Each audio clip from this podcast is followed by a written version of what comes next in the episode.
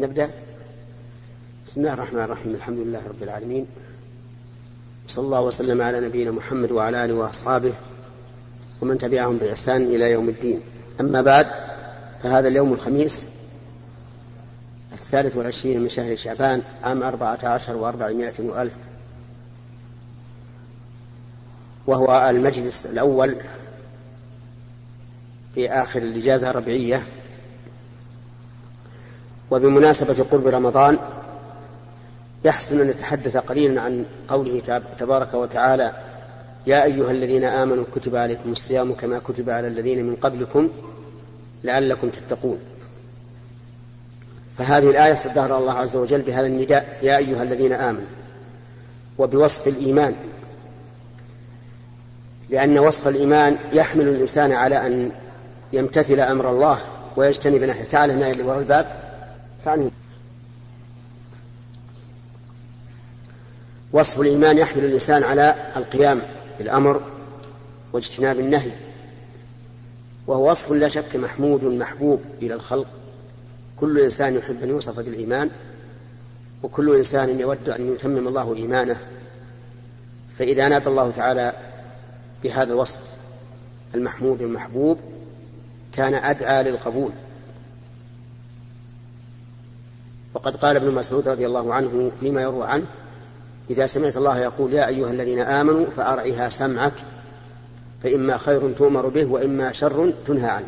والذي في والذي في جلستنا هذا هو خير يؤمر به يا أيها الذين آمنوا كتب عليكم الصيام أي فرض والفارض له هو الله عز وجل فرضه على عباده وقد جاءت السنة بأنه أحد أركان الإيمان الخمسة. وفي قوله كما كتب على الذين من قبلكم إشارة إلى فائدتين. الفائدة الأولى تسلية هذه الأمة حتى لا يقول قائل لماذا ألزمنا نحن بترك شهواتنا من مطعوم ومشروب ومنكوح دون غيرنا من الأمم؟ فيكون في هذا نوع تسلية لهذه الأمة وأنها لم تلزم بما لم تلزم به الأمم قبلها. والفائدة الثانية بيان استكمال هذه الأمة للفضائل التي سبقت للأمم من قبلها. ولهذا كان النبي عليه الصلاة والسلام خاتم الأنبياء وقد ضرب مثلا بحاله مع إخوانه المرسلين بقصر مشيد عمر فكان الناس يطوفون به ويقول ما أحسن هذا القصر إلا موضع لبنة فيه وكان النبي عليه الصلاة والسلام هو الذي حل أو سد موضع هذه اللبنة وبه تم البناء فتمت الشرائع والحمد لله في هذه الشريعة الإسلامية. ثم بين الله عز وجل الحكمة من فرضه فقال لعلكم تتقون. لم يقل لعلكم تجوعون أو تعطشون أو يشق عليكم مجانبة الأهل بل قال لعلكم تتقون. هذه الحكمة من فرض الصوم. ولهذا جاء في الحديث رب صائم حظه من صيامه الجوع والظمأ. فما هي التقوى؟ التقوى عبارة عن اتخاذ وقاية من عذاب الله. ولا وقاية من عذاب الله إلا بامتثال أوامره واجتناب نواهيه. ولهذا نقول التقوى فعل ما أمر الله به وترك ما نهى عنه. وهذا أجمع تعريف للتقوى. وقد بين الرسول عليه الصلاة والسلام شيئا من ذلك في قوله من لم يدع قول الزور والعمل به والجهل فليس لله حاجة في أن يدع, في أن يدع طعامه وشرابه.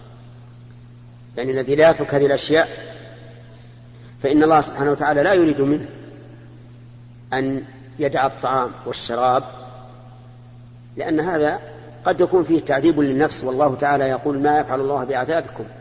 إن شكرتم وآمنتم لكنه يريد عز وجل منا أن ندع قول الزور والعمل به والجهل. هذا هو الحكمة من الصوم. فلينظر الإنسان في نفسه هل هو قام بهذه الحكمة وهذه الغاية الحميدة أو أنه صار صيامه مجرد إمساك عن الأكل والشرب والنكاح. ثم بين الله عز وجل أن هذه أن هذا الصيام ليس أشهرا ولا سنين. ولكنه أيام معدودات. فهو قليل قليل العدد ثم هو قليل المشقة. فمن كان منكم مريضا أو على سفر فعدة من أيام أخرى. إذا ليس فيه كثرة وليس فيه إيش؟ مشقة. لأن لأنه إذا كان المسافر يفطر والمريض الذي يشق عليه الصوم يفطر إذا لا مشقة. لا مشقة ولا كثرة عدد فهو يسير ولله الحمد. وعلى الذين يطيقونه فدية طعام مسكين فمن تطوع خيرا فهو خير له وأن تصوموا خير لكم. على الذين يطيقونها يقترون عليهم فدية طعام مسكين. يعني من, لم من لا يريد الصوم فإنه يطعم عن كل يوم مسكينا. وهذا تيسير. يعني تصوم إن شئت أو تطعم عن كل يوم مسكينا ولو كنت تطيقه. وعلى الذين يطيقونه فدية طعام مسكين فمن تطوع خيرا وأطعم المسكين فهو خير له وأن تصوموا خير لكم. فيخير الإنسان بين أن يصوم أو يطعم ولو كان قادرا وهذه من نعمة الله سبحانه وتعالى وتيسيره. لكن هل هذا بقي؟ لا. لم يبقى هذا الحكم. نسخه ما بعده وهو قوله تعالى شهر رمضان الذي أنزل فيه القرآن هدى للناس وبينات من الهدى والفرقان فمن شهد منكم الشهر فليصم. ومن كان مريضا أو على سفر فعدة من أيام أخرى. فأوجب الله الصوم. ونسخ الإطعام. لكن لما كان أول فرض الصيام قد يشق على الناس أن يصوموا هكذا. فرغبوا في الصوم وخيروا بينه وبين الإطعام ثم لما استقر الفرض في نفوسهم وقرت به أعينهم أوجب الله عليهم الصيام. ولهذا لا يجوز للإنسان أن يطعم مع قدرته على الصوم. ثم إذا كان عاجزا عن الصوم فإما أن يكون عجزه مستمرا فهذا يطعم عن كل يوم مسكين مسكينا. وإما أن يكون عجزه طارئا يرجو زواله كالمريض المرض العادي فهذا ينتظر حتى يشفى ثم يصوم. ومن كان مريضا على سفر فعدة من من أيام أخر يريد الله بكم اليسر ولا يريد بكم العسر. ولتكمل العدة وليتكبر الله على ما هداكم. يريد الله بكم اليسر هذا كالتعليل لقوله ومن كان مريضا أو على سفر فعدة من أيام أخرى. يعني إنما رخص لكم في الفطر في حال السفر وفي حال المرض لأنه عز وجل يريد بعباده اليسر ولا يريد بهم العسر. ولهذا جاءت الشريعة الإسلامية بكل يسر ولله الحمد حتى قال النبي عليه الصلاة والسلام فيما صح عنه إن الدين يسر. وهذه جملة جملة حصرية. بمعنى أن الدين كله يسر ما في مشقة. لو تأملت أوامر الشريعة لوجدتها كلها سهلة يسيرة. ثم إذا صار على الإنسان مشقة في شيء منها فإنها تنقسم إلى قسمين إما أن تسقط وإما أن ينتقل إلى إلى بدل. كيف تسقط أو نعم. إما أن تسقط أو ينتقل إلى بدل. ففي الوضوء جدا. في الوضوء إذا تعذر استعمال الماء فإنه شامل يتيمم. فإن لم يجد ما يتيمم به سقط عنه. سقط عنه. هذا مثال للشيء الذي يسقط إلى بدل وإلى غير بدل. وهذا تيسير لله الحمد. الدين كله يسر ولهذا يجب على طالب العلم أن ينظر إلى هذه الزاوية أكثر مما ينظر إلى زاوية التعسير على الخلق. لأن ربهم الذي خلقهم هو الذي قال يريد الله بكم اليسر ولا يريد بكم العسر.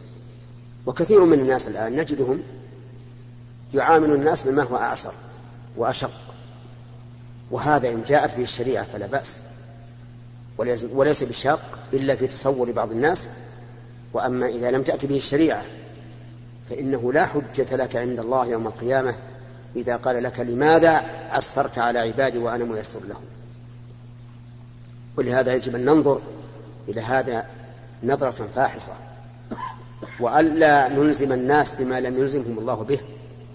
وأن لا نحرم عليهم ما لم يحرمه الله عليهم. حتى وإن فرض أننا عندهم قدوة وأنهم يطيعوننا فإننا في الواقع بينهم وبين الله وسوف يسألون الله عز وجل. ولتكملوا العدة أي عدة رمضان ولتكبروا الله على ما هداكم. لتكملوا العدة الفائدة من هذه الجملة أن لا نتسرع في الإفطار. فمثلا لو شهد شاهد واحد في دخول شهر شوال ليلة ثلاثين من رمضان فإننا لا نقبل قوله. حتى يأتي بشاهد آخر يشهد بأنه رأى هلال شوال حينئذ نأخذ قوله ونكون قد أكملنا العدة. ولتكبروا الله على ما هداكم وهذا في آخر في آخر الأيام إذا غابت الشمس ليلة عيد الفطر فإنه يشرع للناس أن يكبروا يكبر الله عز وجل على ما هداهم لأن هدايته لهم نعمة كبيرة يستحق عليها الشكر. ولعلكم تشكرون. نسأل الله سبحانه وتعالى أن يتمم لنا ولكم صيام رمضان وقيامه على أحسن وجه وأن نقوم بذلك إيمانا واحتسابا إنه على كل شيء قدير. والآن إلى الأسئلة ونبدأ باليمين. والقاعدة عندنا أن لكل واحد سؤالا فقط. نعم تفضل. فضيلة الشيخ حفظك الله لو إنسان توضأ لصلاة الفجر ثم لبس الخف فلما أتت صلاة الظهر كان على طهارته وأراد أن يجدد الطهارة فهل يعتبر هذا المسح هل يعد عليه مسح أم لا يعد؟ وكان المسح لتجديد الطهارة. يعني معناه تقول إذا إذا مسح أول مرة تجديدا فهل تبتدئ المدة من هذه المسحة أو مما بعد؟ العلماء يقولون لا تبتدئ المدة إلا من المسح بعد الحدث. وعلى هذا فالمسح للتجديد لا تحسب به المدة أو لا تحسب منه المدة. فالمثال اللي ذكرت إذا جدد وضوءه لصلاة الظهر بدون حدث ومسح فإن المدة لا تبتدئ. فإذا مسح أحدث لصلاة العصر وتوضأ فإنها تبتدئ المدة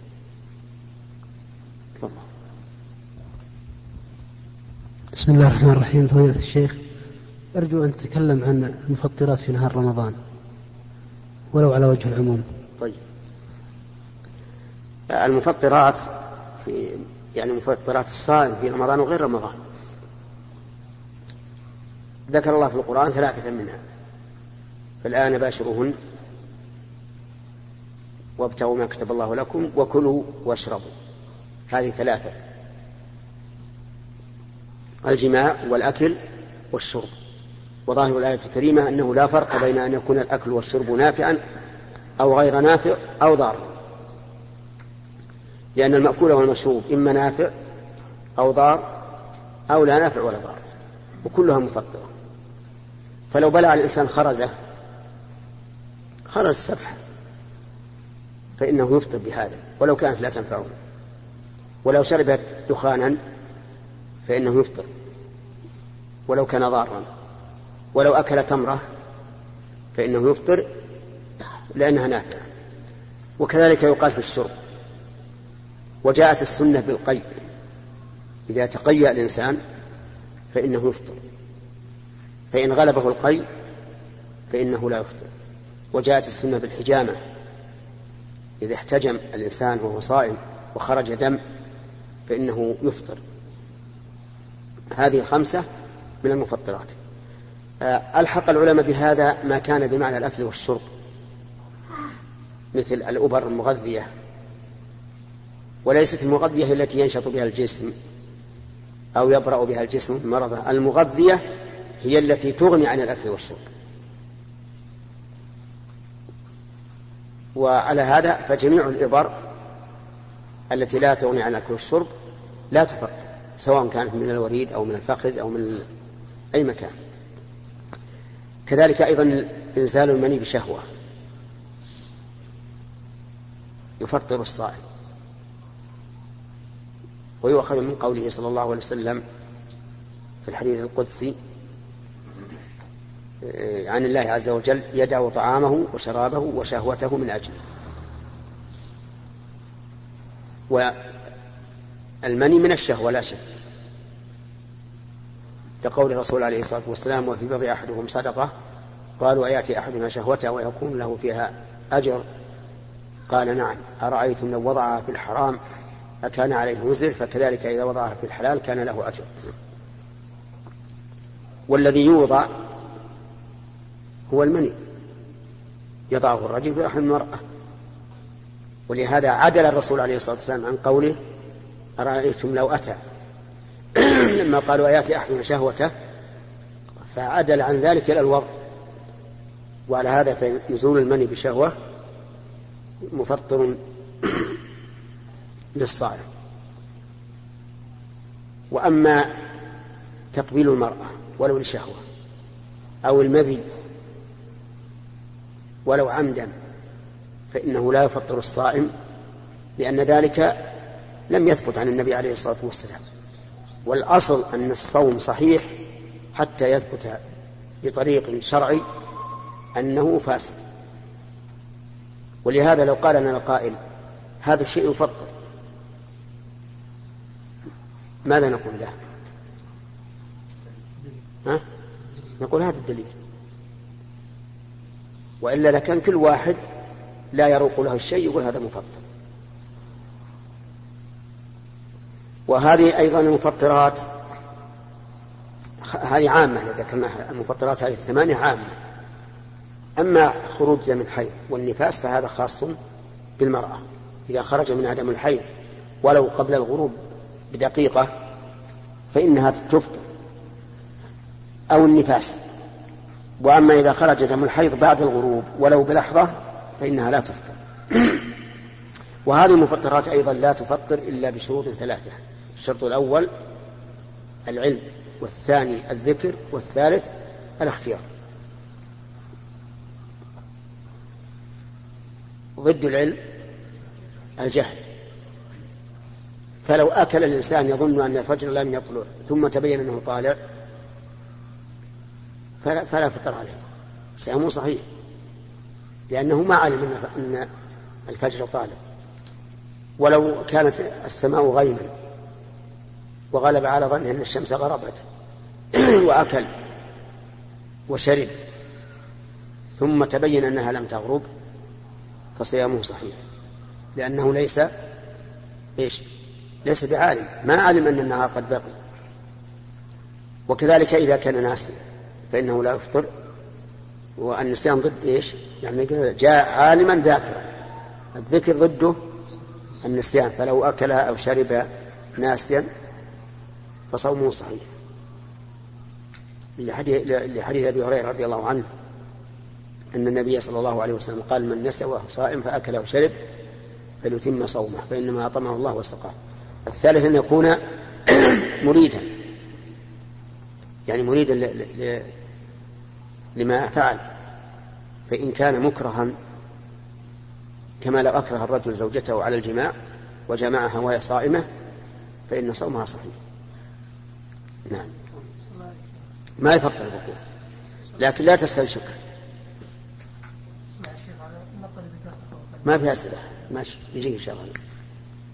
قل يا شيخ بعض الأهل عندنا آه، كانوا يفطرون أو يأكلون بعد أذان الفجر.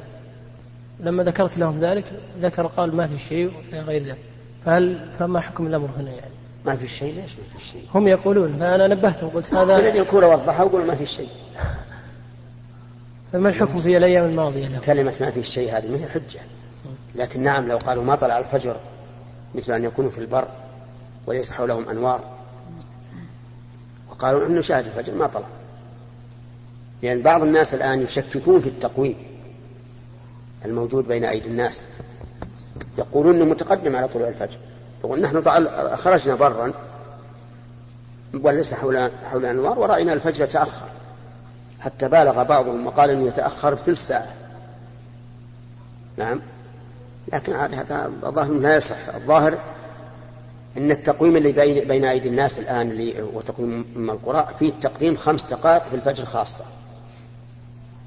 خمس دقائق. يعني فلو اكلت وهو يؤذن فلا حرج.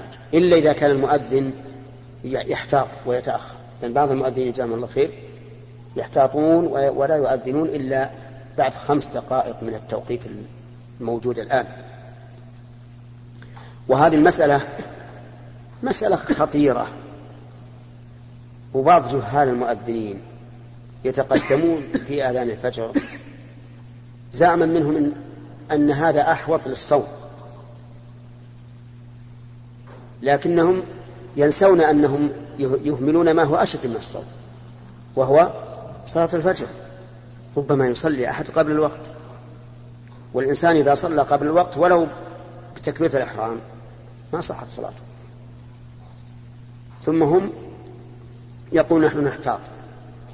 وتحتاطون أكثر مما احتاط الله للعباد. إن الله يقول حتى يتبين لكم الخير حتى يتبين يتبين الفجر. حتى التعبير ليس ليس يقول حتى يطلع الفجر حتى يتبين. فأنتم الآن إذا أذنتم ومنعتم عباد الله أن يأكلوا ويشربوا في هذه اللحظة معناه أنكم حرمتم الناس ما أباح الله لهم. فيكون عليهم إثم من هذه الناحية أيضا. حتى لو فرض الناس تمهلوا ولم يصلوا من, حين الأذان فعليهم إثم من جهة أنهم منعوا عباد الله ما أحل الله لهم. فالجهل مشكل الجهل داء قاتل. بعض الناس يكون جاهل يكون جاهلا وينظر بعين الأعور. الأعور يرى من جانب واحد الجانب الثاني مهمل ما يشوف. وهذا غلط غلط عظيم. ولذلك يجب على طلبة العلم أن ينبه الناس على هذه المسألة وخصوصا المؤذنين ويقول اتقوا الله في عباد الله. كيف تؤذنون قبل الفجر؟ تمنعون عباد الله. ما أحل الله لهم. ربما يكون الإنسان تو قام من النوم وعطشان ويريد أن يشرب ولكن لورعه وتقواه لما سمع المؤذن أمسك. والمؤذن يؤذن قبل الفجر زاما منه أن هذا هو الاحتياط. وهذا فيحرم هذا الرجل المسكين. والاحتياط ليس الاحتياط أن تتبع الأشد. الاحتياط الحقيقي أن تتبع ما جاءت به الشريعة. هذا هو الاحتياط. نعم. بعد. لو تفضلتم يا شيخ يعني أن تبينوا ما حكم دفع الزكاة عن المدين المعسر يعني بدون علمه. نعم دفع الزكاة عن المدين المعسر الذي لا يجد الوفاء إلى غريمه بدون علم الفقير جائز ومجزي لأن الآية الكريمة تدل على هذا. قال الله تعالى إنما الصدقات للفقراء والمساكين والعاملين عليها والمؤلفة قلوبهم. وفي الرقاب والغارمين. التعبير مختلف بين الأربعة الأول وبين الأربعة الأخرى. الأربعة الأولى قال فيها للفقراء. الدالة على التمليك. للفقراء والمساكين والعاملين عليها والمؤلف قلوبهم. هذه لابد تملكهم تعطيهم الزكاة أنت نفسك. وسوي يسوي ما ما شاء من حاجاته. لكن الغارمين قال في الغارمين. وفي الرقاب والغارمين. الغارمين معطوف على الرقاب فيكون التقدير في وعلى هذا فيجوز أن تذهب إلى الغريم الذي يطلب الفقير وتوفي, وتوفي عنه. ولكن نسأل هل الأولى أن أذهب إلى الغريم وأوفيه دون علم الفقير؟ أو أن أعطي الفقير. هذا فيه التفصيل. إذا علمت أن صاحب أن صاحبك الفقير الذي تريد القضاء عنه رجل دين يحب إبراء ذمته وأنك إذا أعطيته سوف يذهب إلى إلى صاحبه ويوفيه فأعطه هو. لأن ذلك أجبر لخاطره وأبعد من من الرياء الذي قد يصيب الإنسان في هذا. فكونك تعطيه تعطيها المدين أولى. أما إذا خفت أن يكون المدين لعابة تعطيه ليوفي ولكن يذهب يلعب بها يشتري كماليات ولا غيره فلا تعطيها إياه. اذهب إلى صاحبه الذي يطلبه وأوفي فضيلة الشيخ حفظنا الله وإياك الحاضرين بالأمس كان المطر يتساقط عندنا من تقريبا بعد صلاة العصر حتى صلاة العشاء. في بلدة شرق شمال بريدة ف وكنت إماما فطلب المؤذن أن نجمع الصلاة. فاحترنا في ذلك ولكن كان بإلحاح المؤذن أن نجمع فجمعنا الصلاة. وقد وردت فتوى سماحتكم. بهذا الشأن يعني يعني حول أنه لابد أن يتحقق من المطر وكذا يعني وشدته وكونه يعني الخروج الناس في حال المطر يعني يؤثر عليهم. فما أدري يعني وفقكم الله الضابط في هذا الجمع يعني من جميع الجوانب. جزاكم الله خير. وبارك الله فيك. أن تعلم أن الأصل وجوب إيقاع الصلاة في وقتها هذا الأصل. إن الصلاة كانت على المؤمنين كتابا موقوتا. وقد أجمع العلماء على أن تقديم الصلاة قبل وقتها بدون عذر شرعي يقتضي عدم مصلحتها لأنها خلاف ما أمر الله به وقد ثبت عن النبي عليه الصلاة والسلام أنه قال من عمل عملا ليس عليه أمرنا فهو رد. هذا هو الأصل وهذا شيء محكم ما فيه اشتباه. إذا وجد سبب للجمع تقديم أو تأخير فإن العلماء مختلفون في هذا. منهم من يرى أنه لا جمع إلا في عرفة ومزدلفة فقط.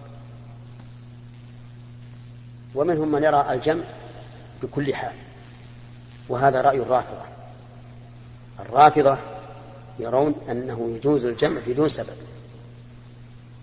إن شئت تجمع وإن شئت أفرد. لكن الصحيح أن الجمع جائز للمشقة. والدليل على ذلك حديث عبد الله بن عباس رضي الله عنهما قال جمع النبي صلى الله عليه وسلم في المدينة من غير خوف ولا مطر. قالوا ما أراد إلى ذلك؟ يعني ليش الجمع قال أراد ألا يحرج أمته. ومعنى يحرج يعني يلحقها الحرج لأن الحرج منفي شرعا. فإذا كان في ترك الجمع مشقة وحرج على الناس إما لكون الأسواق وحلا أو لكون المطر ينزل يبلل الثياب ويؤذي الماشين فهذا عيب. أما إذا كان حبات يسيرة والجو دافئ والأسواق ليس فيها وحل فلا تطع حتى لو أصر المؤذن. ثم إذا أصر خوفه بالله. يا أخي كيف نتقدم؟ أرأيت لو صمت رمضان في شعبان؟ هل يجوز؟ فكذلك إذا قدمت العشاء مع المغرب بدون عذر شرعي متحقق فإنه لا يجوز. والعجيب العجيب الآن أني أنا أذكر الناس كانوا في الأول ليس فيه ليس فيه كهرباء والأسواق مظلمة ووحل طين ما في سفلت لكن ما يجمعون إلا بمشقة شديدة. بمشقة بحيث أن الإنسان ما يأتي للمسجد إلا معه العصا يتعكز عليه أو مطر وابل صيب. وهم أشد مشقة من الآن بكثير. الآن ولا الحمد لله غالب الأسواق مزفلتة ومضاءة ولا في مشقة ولا حرج. فالتهاون في هذا غلط غلط عظيم. فأنت عندك عندك نص محكم وهو وجوب الصلاة في في وقتها. وعندك سبب مبيح للجمع. إذا ما دمت لم تتيقن أن السبب صحيح شرعي فلا تجمع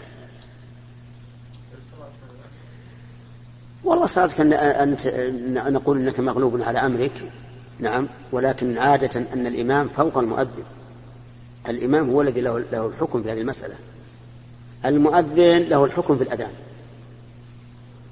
أما مسألة الصلاة والجمع فهذه إلى إلى إلى إلى الإمام.